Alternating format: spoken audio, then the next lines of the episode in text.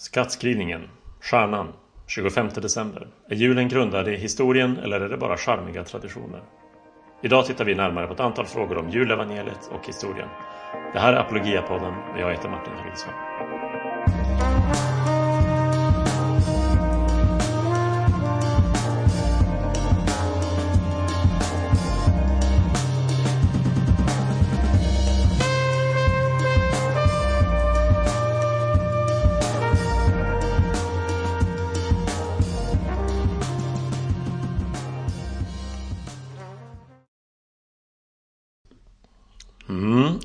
Glad advent på er alla lyssnare. Hoppas ni mår bra där ute. Det är snart jul. Äntligen något att se fram emot. Den 9 december så arrangerade vi Apologia vår fjärde Apologia live-kväll. Vi har gjort den här serien med webbinar eller föredragskvällar via Zoom under hösten. Det har varit riktigt kul att se deltagarantalet bara växa för, eh, för varje gång faktiskt. Om du inte varit med på Apologia Liven så vill jag verkligen rekommendera dig att prova när vi startar igen i vår. Det är alltid gratis att vara med. Man bara anmäler sig via vår hemsida för att få länken för att ansluta till, eh, till mötet. Sen kan man titta på föredraget och det kan vara bra att känna till att det är bara vi som medverkar som kan synas och höras. Man behöver inte alls göra sig Zoom-fin för att vara med. Och efter föredraget kan man sedan ställa frågor genom att eh, skriva in dem i, i chatten i text. Och eh, när man har skrivit in sin och skickat in sin fråga så kan eh, resten av de som är med rösta på de frågor som man vill prioritera särskilt. Så här i podden kommer vi nu ge er en repris från den här Apologia Live-kvällen den 9 december om Skeptikerns guide till julen. Och jag kan tipsa dig om att om du föredrar att titta på det här föredraget så kan du pausa podden här och nu, gå in på Apologias YouTube-kanal så hittar du exakt samma föredrag där men med våra vackra ansikten och Stefans PowerPoint fullt synlig. Här har vi Apologia Live, Skeptikerns guide till julen.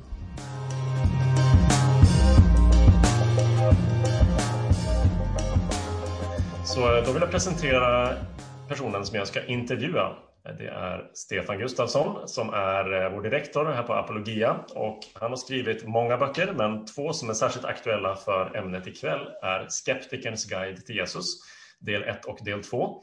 Och det är två böcker som då både grundligt och samtidigt pedagogiskt eh, går till botten med, eh, med de historiska frågorna om Jesus från Nasaret. Vem var han? Vad betydde hans liv? Vad kan vi veta om det? Vad är det som är meningsfullt med hans död och ägde uppståndelsen verkligen rum? Den typen av, av frågor. Eh, några av dem kommer vi vara inne på här ikväll. Så vill man efter ikväll fördjupa sig i någonting kring det här så kan jag tipsa om de böckerna. Skeptikerns guide till Jesus. Så Stefan, kul att du är med här ikväll. Ja, men eh, vad roligt att eh, få vara med här på Apologia Live.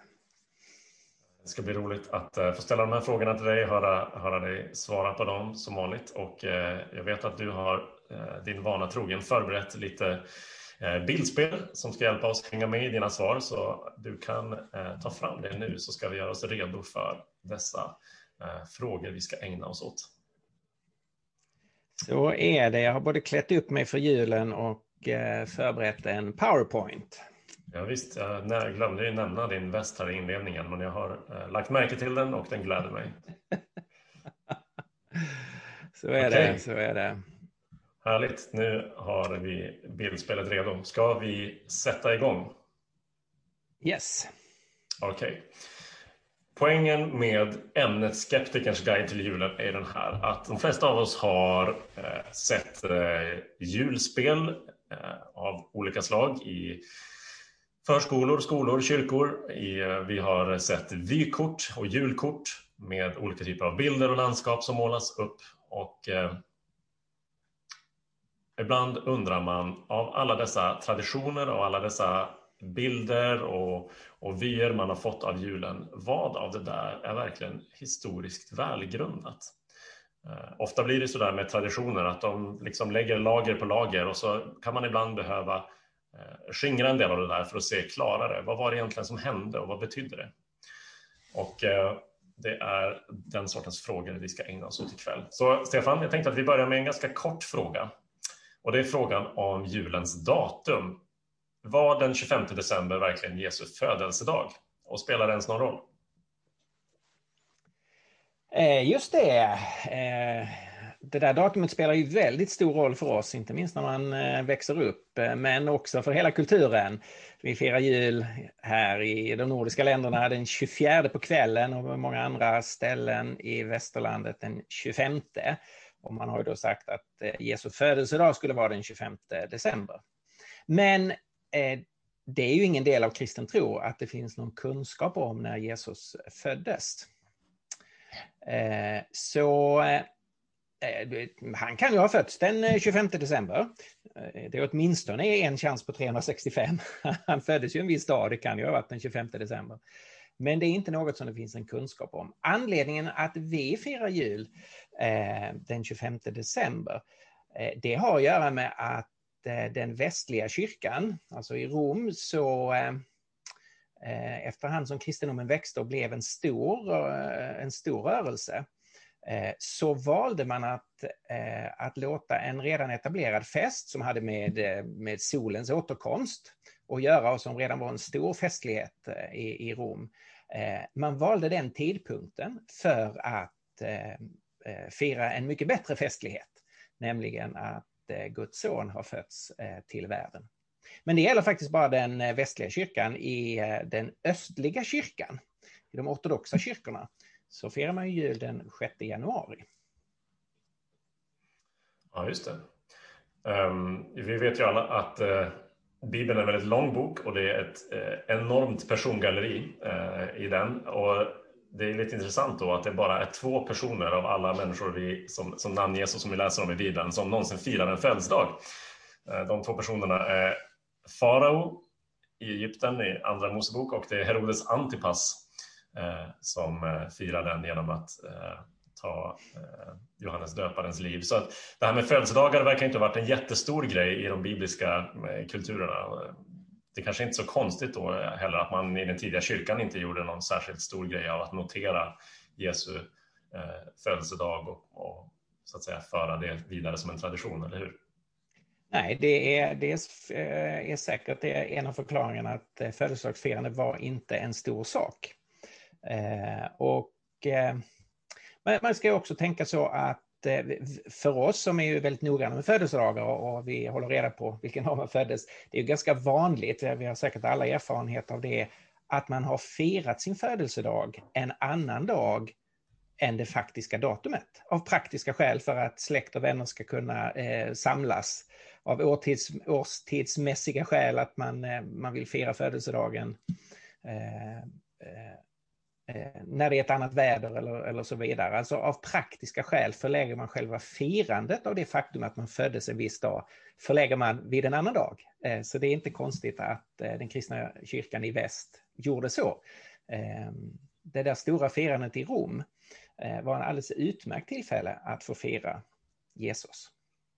Så nästa gång någon tar upp den här frågan eller som det ibland görs i olika sammanhang tas upp som någon typ av kritik mot julen eller för att slå hål på, på eh, glädje över julen med att men, Jesus föddes inte den 25 december så är det någonting som vi utan att göra stor sak av kan gå med på och acceptera. Absolut. Okej, vi tar en till ganska kort fråga och då är det inte längre datumet utan själva året. Alltså vår tideräkning utgår ifrån Jesu födelse, Stefan. Eh, den gör det fortfarande även om man ibland då tar bort referensen till Jesus eh, så att säga, explicit och, säger någonting med vår tideräkning, men alla vet varför, eh, vem det är som är anledning till den. Men föddes Jesus verkligen år ett? Hur ligger det till med det där? Nej, det gjorde han inte och det kan vi vara ganska säkra på. Och det, det har med den här farbrorn att göra eller snarare den här ondskefulla härskaren att göra, Herodes den store.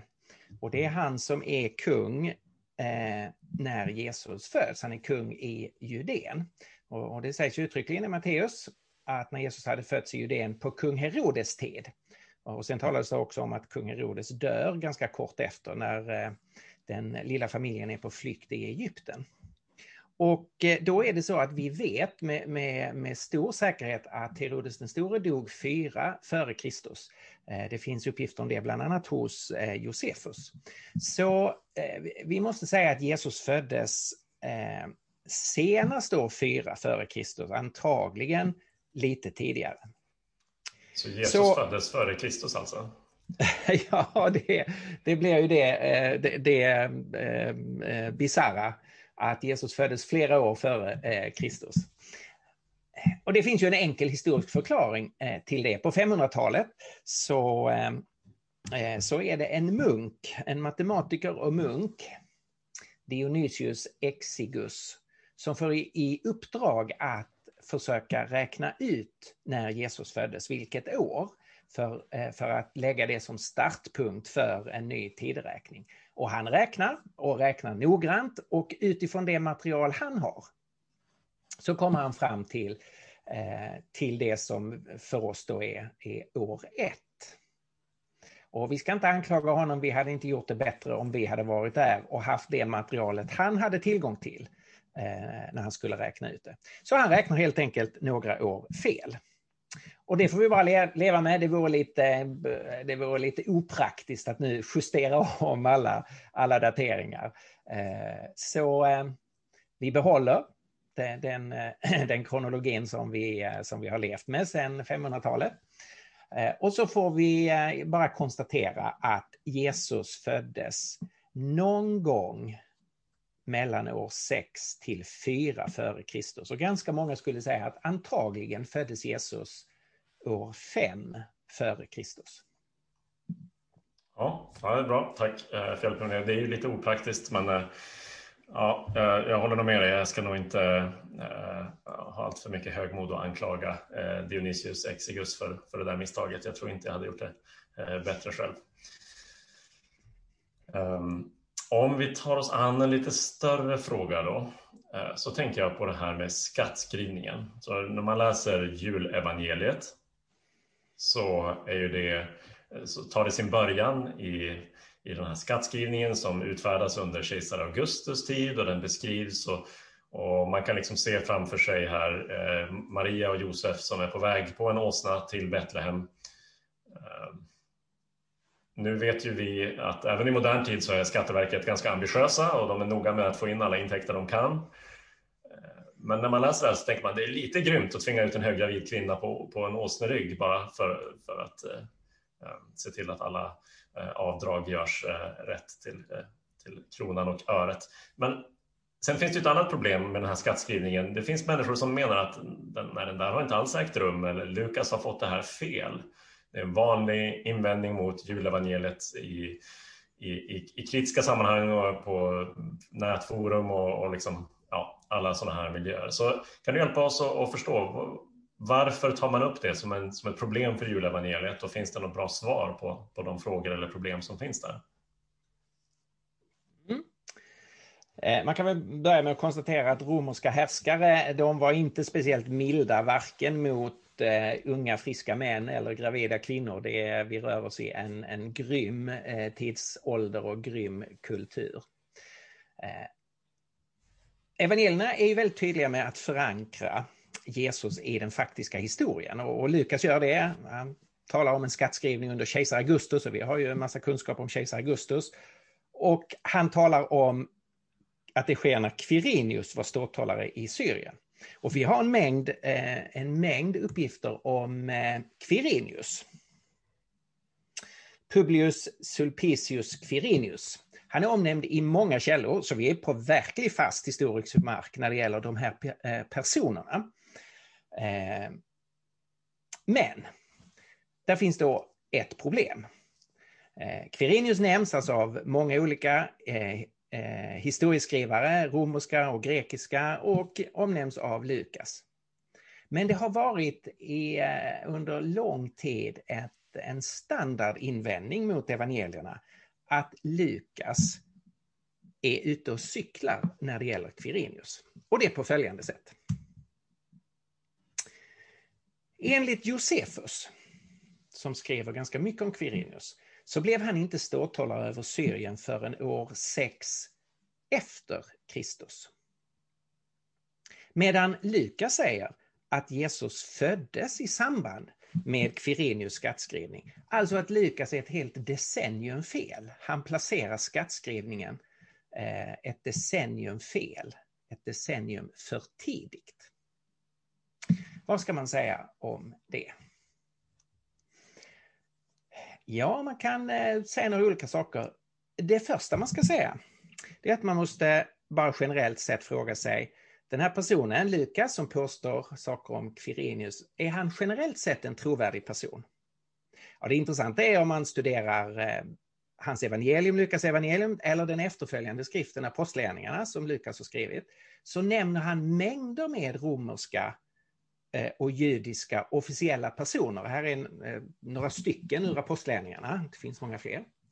Eh, och där det har visat sig på punkt efter punkt att Lukas är väldigt välinformerad och hans uppgifter stämmer med vad vi vet från andra historieskrivare. Därför finns det ingen anledning att i bara i utgångsläget förkasta Lukas när han ger en, en uppgift som vi inte riktigt ser hur den ska gå ihop. Men vi vet att det kommer från en person som i andra sammanhang är trovärdig. Så därför behöver man ge Lukas en chans. Dessutom är det så att Lukas känner faktiskt till den där skatt, skattskrivningen år 6 efter Kristus, den som Josefus nämner. Därför att i Apostlagärningarna så beskriver Lukas eh, först en uppropsmakare som hette Tevdas. Och sen vad som kom efter Tevdas. Då kom det en Judas från Galileen som också var en upprorsmakare. Och efter honom Tebdas, medan skattskrivningen pågick, och det här sker år 6 efter Kristus. Det här är den skattskrivningen under Quirinius. Så Lukas känner till den skattskrivningen och förlägger den alldeles rätt. Så det är lite för enkelt att säga att Lukas är förvirrad och, och placerade Quirinius ett decennium fel. Nej, han placerar Quirinius stora skattskrivning helt rätt i Apostlagärningarna. Han, han verkar ha koll på läget här och det är, det är lite intressant om man bara vid första anblick konstaterar att Josefus eh, daterar det på ett sätt, Lukas gör ett. Det finns ingen automatik i att det är just Lukas som ska ha fel bara för att hans skrift sen har kommit att ingå i Nya Testamentet, eller hur? Nej, det här är ett eh, typexempel på hur man, eh, man verkligen har gillat eller uppskattat föredraget att det är evangelierna som ska ha fel. Det. det. känns liksom bättre än att andra ska ha fel för många skeptiker i, i vår tid. Eh, men det är ju ett historiskt oriktigt sätt att resonera. Mm. Frågan är då om det finns ett bättre sätt att resonera. Jag kan inte lösa den här frågan eh, definitivt. Ehm, men man kan ge två ehm, ganska intressanta förslag, två möjligheter. Vad kan ligga bakom Lukas uppgift? Så två enkla förslag här som eh, forskare har framhållit. Det första är att Quirinius kan ha varit ståthållare över Syrien under två olika perioder och varit med och genomfört två olika skattskrivningar. Eh, det pågick eh, eh, skattskrivningar i, i flera olika omgångar. Eller i många olika omgångar och på många olika platser. Det var inte ett enda stort gemensamt projekt bara. Vi vet ju från vår tid att politiker till exempel och, och ministrar i regeringar, de återkommer ju ofta. De sitter i en regering och återkommer sen i en senare regering. Så tanken på att en hög officiell person Eh, återkommer i ett uppdrag är ju inget konstigt. Dessutom finns det en, en lite intressant inskription man har hittat eh, utanför Rom, ett, ett ställe som heter Tivoli. En inskription som talar om en man som två gånger var ståthållare över Syrien. Det oerhört retsamma är att namnet finns på den här inskriptionen men det är, eh, det, är så, det är förstört. Man vet att namnet har stått där men det går inte att tyda vilket namn. Men det är en del som menar... Förlåt? Vilken fruktansvärd historisk otur ja. att just den biten skulle försvinna. Ja, Tänk det är väldigt... så mycket, och mycket eh, onödigt bläck som har spillts på internet potentiellt oj, den här oj, frågan. Oj. Det är väldigt rättsamt. Eh, det skulle kunna syfta på Quirinius.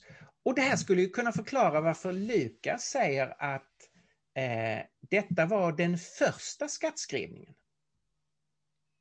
Alltså att Lukas vet om att det finns en år sex, det har vi ju redan sett, sett i Apostlagärningarna 5. och att han refererar till en tidigare skattskrivning under Quirinius. Så det här är en möjlighet som gör att saker och ting i så fall skulle falla på plats. Det. Och det finns en annan, en, annan, en annan möjlighet.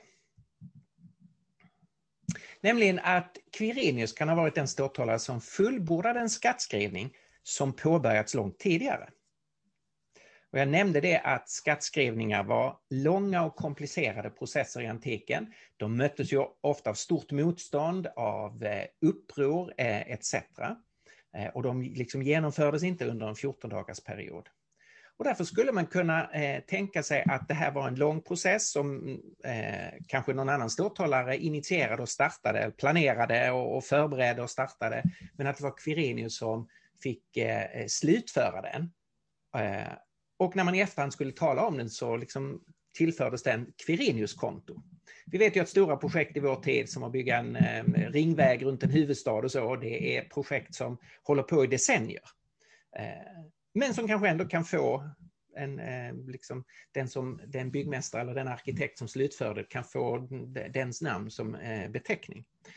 Det här skulle kunna förklara varför Tertullianus, som ju var en tidig kyrkofader, han säger att den här skattskrivningen som evangeliet talar om, den skedde under en tidigare syrisk ståthållare, eh, Saturnius. Så då kanske det var den som, han som initierade skattskrivningen, den ståthållaren. Men Quirinius var den som, eh, som fullbordade den. Mm. Det skulle vara en annan möjlighet. Intressant. Så här är två olika förslag på, på lösningar här. Vi, vi vet då inte helt enkelt vilken det är. Det skulle kunna dyka upp ett tredje förslag utan att det eh, gör något. Poängen med det här är ju att visa att det alltså inte, eh, inte alls självklart att Lukas skulle ha ja, så att säga, har dålig koll på läget här. Av allt att döma i alla andra eh, fall där han har granskats arkeologiskt, där vi tittar på hur han både namnger och, och titulerar olika typer av inflytelserika personer och, och platser och sånt här, så har han visat sig vara väldigt eh, noggrann och skicklig som historiker. Mm. Så någon av de här lösningarna, kanske den rätta eller så är det den tredje, men eh, det bör inte vara ett stort problem med andra ord. Förutom om man var en gravid kvinna fem före Kristus och därmed var tvungen att sätta sig på en åsnerygg. Um, ehm, Okej, okay. ja. Då har vi tagit oss igenom de tre första frågorna. Hoppas ni hänger med där hemma. Vi har pratat om datumet, om året, om skattskrivningen. Den fjärde grejen då, Stefan, som jag tänker mig, det är ju de vise männen. Och det här är ju en till sån där sak som är så lätt att se framför sig. Um, kallar dem ibland för de tre vise männen. Vanligtvis när man gör det kommer, kommer någon typ av besserwisser i ens liv eh, in från höger och säger ah, men stopp och belägg. Det står aldrig att de bara var tre. Ehm, det var tre gåvor, guldrökelse och myrra och så vidare. Men ändå, när man tänker på hela den här historien om de vise männen och inte minst om stjärnan så, så växer massor av frågor. Och jag tänker i första hand på frågan, var det verkligen någonting som hände bland himlakropparna. Och vad skulle det i så fall kunna ha varit? Och för det andra, eh, fanns det människor som hade brytt sig om det? Hade någon observerat det, lagt märke till det och gett sig ut på den här sortens resa? Så, de här vise männen, alltså ärligt talat, många som läser det här, Stefan, får ju lite känslan av att det är en saga. Vad har du att säga om just de här fenomenen, om stjärnan och, och de vise männen? Finns det, finns det en bra bas för att, för att tro att det verkligen hände? Det här är ett jätteintressant område. Eh, det, är precis som du sa ett område där det finns väldigt mycket avlagringar utifrån, eh, utifrån historien och kulturen man har lagt på och föreställt sig. Och, och vi har den här bilden av, eh, eh av tre personer och, och eh, de finns, folk ger dem ju namn och, och, så. Trots att det inte sägs i texten att det var tre personer, vi har inga namn på dem och så.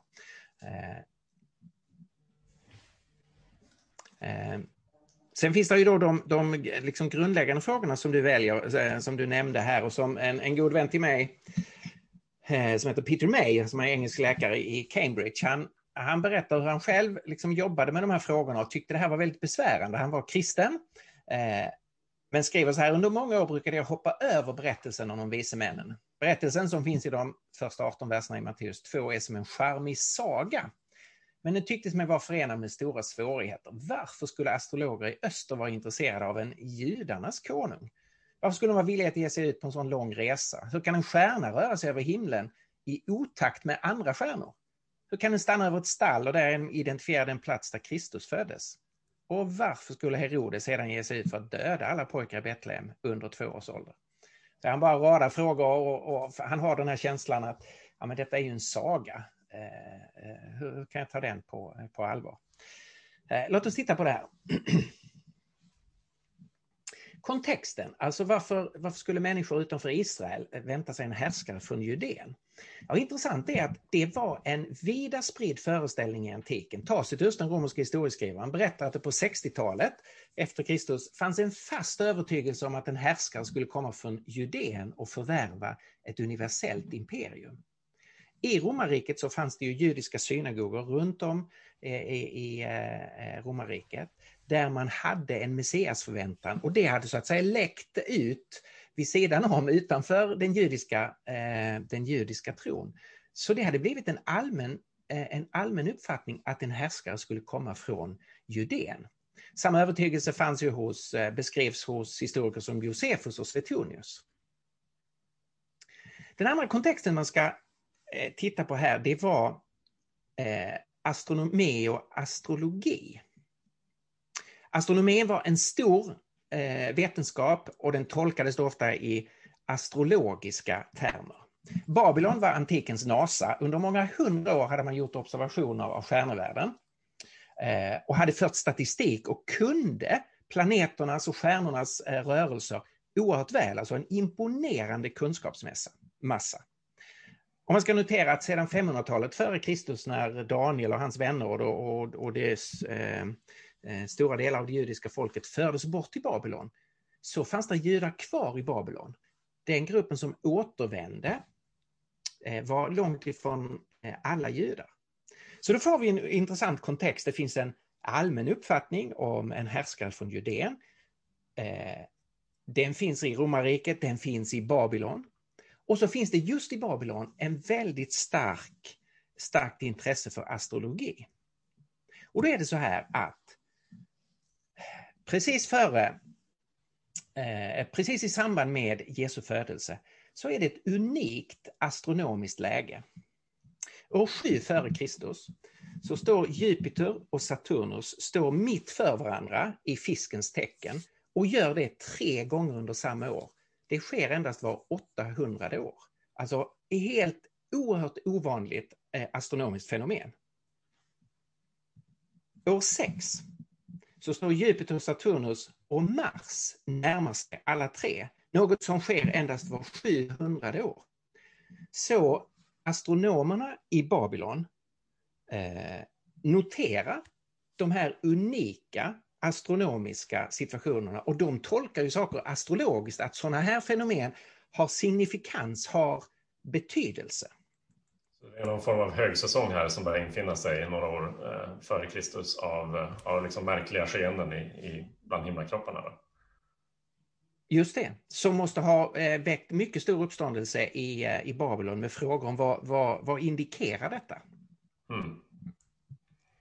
Det här sker i fiskens stjärnbild som var astrologiskt förknippade med Israel och därför så är det troligt att det astrologiska budskapet i samband med att Jupiter och Saturnus står i fiskarna tre gånger under år sju, det var detta, tänk om det nu är Messias-konungen som kommer att födas i Israel. Okej, okay, här har vi en bakgrund. Men varför i all sin dag ger de sig iväg vid ett specifikt tillfälle? Vad är det som gör att de liksom, här händer det saker år sju, det händer saker Eh, år 6. Det de säger när de kommer till Israel, det är att de har sett hans stjärna gå upp. Och Herodes frågar dem hur länge stjärnan har varit synlig. Och så står det att stjärnan de hade sett gå upp eh, gick före dem. Eh, Herodes frågar ut dem om den tid som han har eh, eller Herodes har tagit reda på hur länge den här stjärnan har visat sig. Om man då tänker stjärna så är det ju helt, eh, helt eh, omöjligt så att, att en stjärna plötsligt skulle gå upp och gå före dem och så. Så frågan är, vad är det de har sett som har gjort att de har gett sig ut på en resa? Vad var det de såg? Idag är det många som är övertygade om att det de såg var en komet. En komet, det är någonting som plötsligt kan dyka upp och vara synligt under en viss tid. Och som kan vara ett oerhört starkt ljusfenomen. Det ni ser på bilden här är en komet som visade sig 1997 och den heter Hale-Bopp utifrån de två som eh, först såg den. Eh, den var synlig under 18 månader och väckte väldigt stor uppmärksamhet hos de som håller på att titta på stjärnhimlen. Så det troliga är att efter år 7 och år 6, när det har varit väldigt märkliga astronomiska förhållanden med Jupiter, Saturnus och Mars, så visar sig plötsligt en komet. Och det tolkar stjärntydarna som ett tecken på att nu har det hänt. Eh, det finns andra exempel på från antiken där, eh, eh, där kometer har tolkats på det här sättet att de indikerar en specifik eh, händelse. Den som vill läsa mer om det här ska läsa Colin Nichols bok The Great Christ Comet som är en fantastiskt eh, intressant, eh, intressant bok. som är både teologiskt väldigt intressant och astronomiskt kring himlafenomenen. Mm. Matteus säger att stjärnan stannade över den plats där, barnen, där barnet var. Eh, och eh, eh om, om, man tittar på en vanlig stjärna så kan den inte indikera en specifik plats på jorden. Men en komet eh, skulle, om man står på en viss, en viss plats, till exempel om man befinner sig i Jerusalem, så skulle en komet eh, kunna vara som en pil ner mot marken, ner mot jorden och peka mot Betlehem. Eh, så det, det, det, det, får en, eh, har en, eh, en effekt som en, som en pil, som en, en pekare. Så det troliga är alltså att det var en komet som visade sig. Och eh, det, det, finns uppgifter eh, från, eh, från Kina om att en komet visade sig år 5. Så det går till och med att diskutera en konkret komet. Intressant. Um, om man eh, stannar här då och gör en liten liksom, reflektion över, över ditt svar. Du har gett astronomiska, en, en tänkbar astronomisk förklaring. Eh, nu sysslar vi ju både med frågor som är rent historiska, alltså var Quirinius ståthållare och sådana här saker. Eh, vi sysslar också nu eh, efterhand mer och mer med frågor som så att säga börjar gränsa till ehm, eh, kanske till det övernaturliga eller till saker som har att göra med vilken världsbild, vilken livsåskådning man har. Och både du och jag som kristna som tror att Gud kan och har ingripit i, i den här världen för oss skulle det vara möjligt att också säga att det var en, ett övernaturligt fenomen eh, som ägde rum där, eller hur? Det finns inget som, som på förhand utesluter eller gör en sån sak omöjlig. Eh, men det är intressant att, att det ändå kan finnas, fortfarande i vår tid med, med de astronomiska uträkningar man kan göra, att det kan finnas en tänkbar astronomisk förklaring som i sin tur då inte är isolerad på något sätt från Guds agerande. Gud kan ha arrangerat kometerna just så att Eh, den som dök upp vid det här tillfället skulle tolkas eh, på det sättet av dessa eh, stjärntydare. Ja, det här, det här är ju Guds värld, så det är som han har skapat, så det är ju inget konstigt alls om han använder sin egen värld eh, för att manifestera sig och, och kunna använda, eh, eh använda kometer Eh, eh, eh, för att indikera det han nu ska göra i historien. Och poängen med ett sånt här resonemang, det är jag kan inte, mm, ingen kan bevisa de här sakerna, men poängen är ju att visa att man kan inte bara schablonmässigt säga nej men det här är en saga, det här är en myt, det här är bara påhitt, det här är sentimentala berättelser från en okunnig antik värld. Då har man faktiskt inte studerat de här frågorna. Eh, utan om man, om man tittar på det historiskt eh, så passar det som de här korta texterna hos Matteus och Lukas talar om, de passar väldigt väl in i sånt som vi historiskt och astronomiskt kan veta idag. Och, och det gör ju att texterna får en, eh, en, en atmosfär av trovärdighet. Sen är det självklart så att en gud som har skapat universum kan, kan också gripa in. Precis, så det är viktigt för, för den som hör det här och, och så att säga kanske har lättast till hands för en, någon typ av övernaturlig förklaringsmodell. Vi har ingen, ingen stark agenda mot någon sån förklaring på något sätt eller utesluter inte den alls. Uh, poängen är snarare för den som har väldigt svårt för att ta till sig det och visa att ta, du behöver kanske ta de här texterna på större allvar än, än vad du spontant skulle göra. De har en historisk uh, trovärdighet som, som man inte viftar bort hur som helst. Okej, okay tack stjärntydarna. Ehm, jag är inte färdig, jag har fler frågor. För nu kommer vi väl ändå till en fråga där vi så att säga korsar någon typ av linje och inte bara pratar om det som är historiskt eh, verifierbart eller vi kan forma historiska hypoteser. Eh, och jag tänker på frågan om jungfrufödseln. Den verkar relativt central för eh, evangelierna och i den kristna tron. Den finns med i, i den kristna trosbekännelsen som reciteras i gudstjänster varje vecka. Stefan, kan du hjälpa oss med den här frågan? Kan man tro på något sånt som jungfrufödseln och, och varför spelar den roll?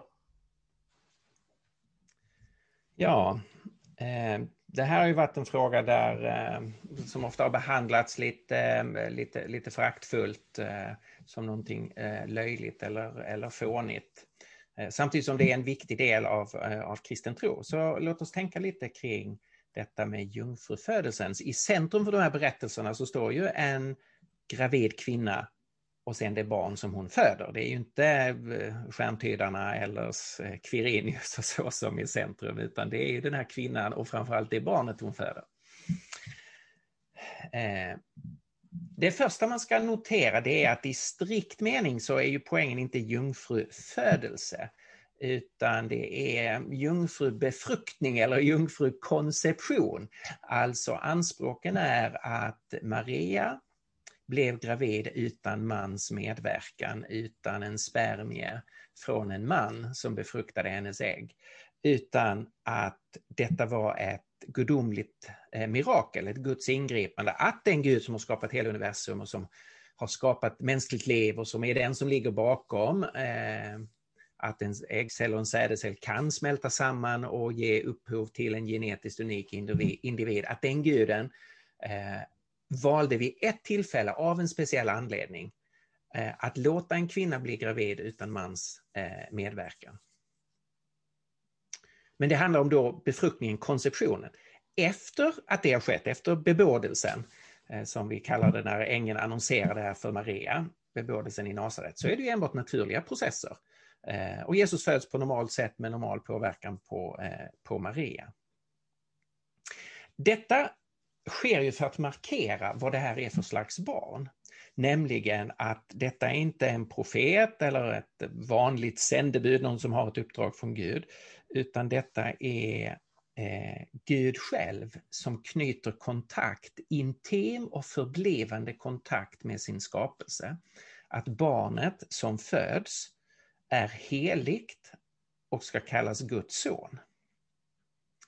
Eh, och alltså eh, att denna person är principiellt en egen kategori. Eh, människa som vi, men samtidigt Guds son. Utan synd och med en gudomlig identitet. Eh, och därför så är det ett väldigt passande sätt att markera den unika statusen som detta barn har genom att barnet har blivit till på ett unikt sätt.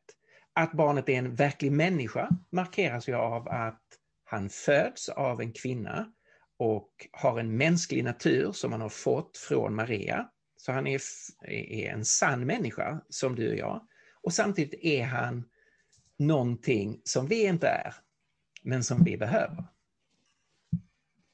Okay, så det är, det är, som, det är så att säga teologiskt meningsfullt, teologiskt passande som du sa. Men invändningen mot det, responsen skulle kunna vara okej, okay, om det är teologiskt passande, varför inte bara tro att det är en efterhandskonstruktion? En tillrättaläggning av något slag. Ja, texterna är ju ganska tydliga med att detta, detta är ett verkligt, det är anspråk på ett verkligt historiskt skeende. Eh, och man ska notera att det här sker i en kultur som inte är rädd för sexualiteten. Det finns en självklar eh, sida att bejaka att Gud har skapat oss till man och kvinna och man och kvinna är kallade i äktenskapet att leva ut sin sexualitet. Så det finns ingen, ingen skambeläggning av sexualiteten som sådan. Så det är, man behöver så att inte undvika den, det är inte bakgrunden.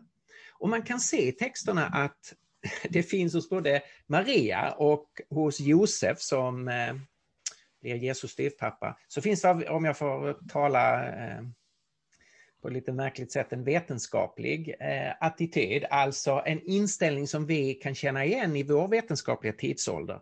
Nämligen att Maria, när hon får höra att du ska, du ska bli havande och du ska föda en son, så är hennes respons direkt, ja men hur ska det ske? Jag har aldrig haft någon man. Hon vet exakt hur barn blir till, att det kräver sexuellt umgänge med en man. Eh, så det, hon har inte det och därför kan hon inte bli gravid. Och svaret är då att, ehm, att det ska ske eh, genom heliga andet, Guds ingripande. För Gud är ingenting eh, omöjligt. Och när Josef, hennes trolovade, eh, förstår att hon är gravid så vet han ju om att han har inte haft sex med henne och den naturliga slutsatsen är då har hon haft sex med någon annan och han beslutar sig för att skilja sig från Maria eftersom hon har varit eh, otrogen. Så han vet precis hur barn blir till. Eh, och eh, köper inga, liksom, i utgångsläget, inga teorier om att eh, Gud skulle ha gjort ett under här. Utan han blir övertygad genom att Gud själv i en dröm kommer till honom, eller en ängel kommer till honom. Eh, och sen tar han Maria efter Jesu födelse, tar han Maria till sig och han blir Jesu adoptivfar. Så det är intressant att det är det, här Eh, det här eh, det, det, relateras till som en verklig händelse. Mm. Ja, tack för det. Och då har jag bara en fråga kvar. Vi har nu liksom närmat oss på något sätt kärnan här. Vi har börjat prata med datum och år, skattskrivning, Quirinius som du sa, som inte direkt är julens huvudperson. Eh, sedan stjärntydarna, nu Maria. Men barnet då? Jesus, vad är, vad är poängen med alltihopa? Vad, vad är det som gör att julen är så värd att fira? Vad är det som är så häpnadsväckande med barnet? Mm. Helt kort två saker, eh, och det borde inte vara helt kort, det skulle vi kanske talat om hela kvällen istället. Men eh, helt kort.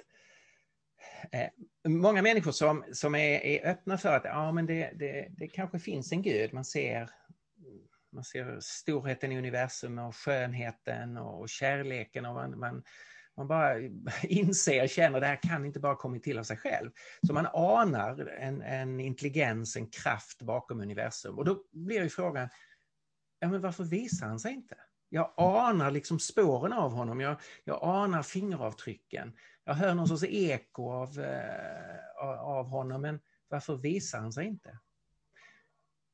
Julens budskap är svaret på den frågan. Att Gud har valt att visa sig och komma till oss, att ta sig in i den mänsklighet han själv har skapat och bli en av oss. Med det fina teologiska ordet så kallas det för inkarnation, att Gud blir människa. Och han blir människa fullt ut genom att starta ett mänskligt liv från konceptionen. Eh, och sen leva ett, eh, ett, ett mänskligt liv, bli en av oss, därför att Gud vill ha med oss att göra. Signalen här är ju att Gud visar vem han är, kommer till oss, blir en av oss för att kunna dra oss till sig.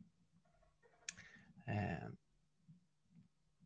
det här är ju väldigt förvånande. Det, det, det är en underbar tankegång att Gud vill knyta sig själv så nära människan att han blir som en av oss. Samtidigt är det ju en förvånande tankegång. Vi skulle, kunna, vi skulle tänka oss att han skulle komma i, med buller och bång, med makt och härlighet. Men han väljer att kliva in i ödmjukhet.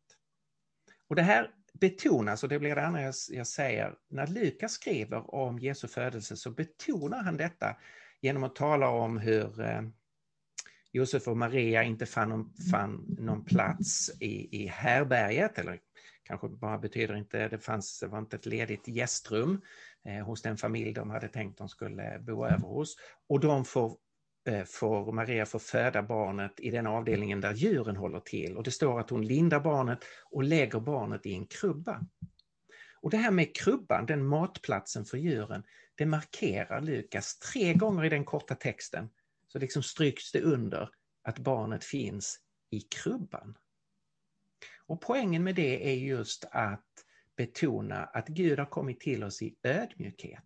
Han föddes som ett barn som hade sina första timmar i en krubba.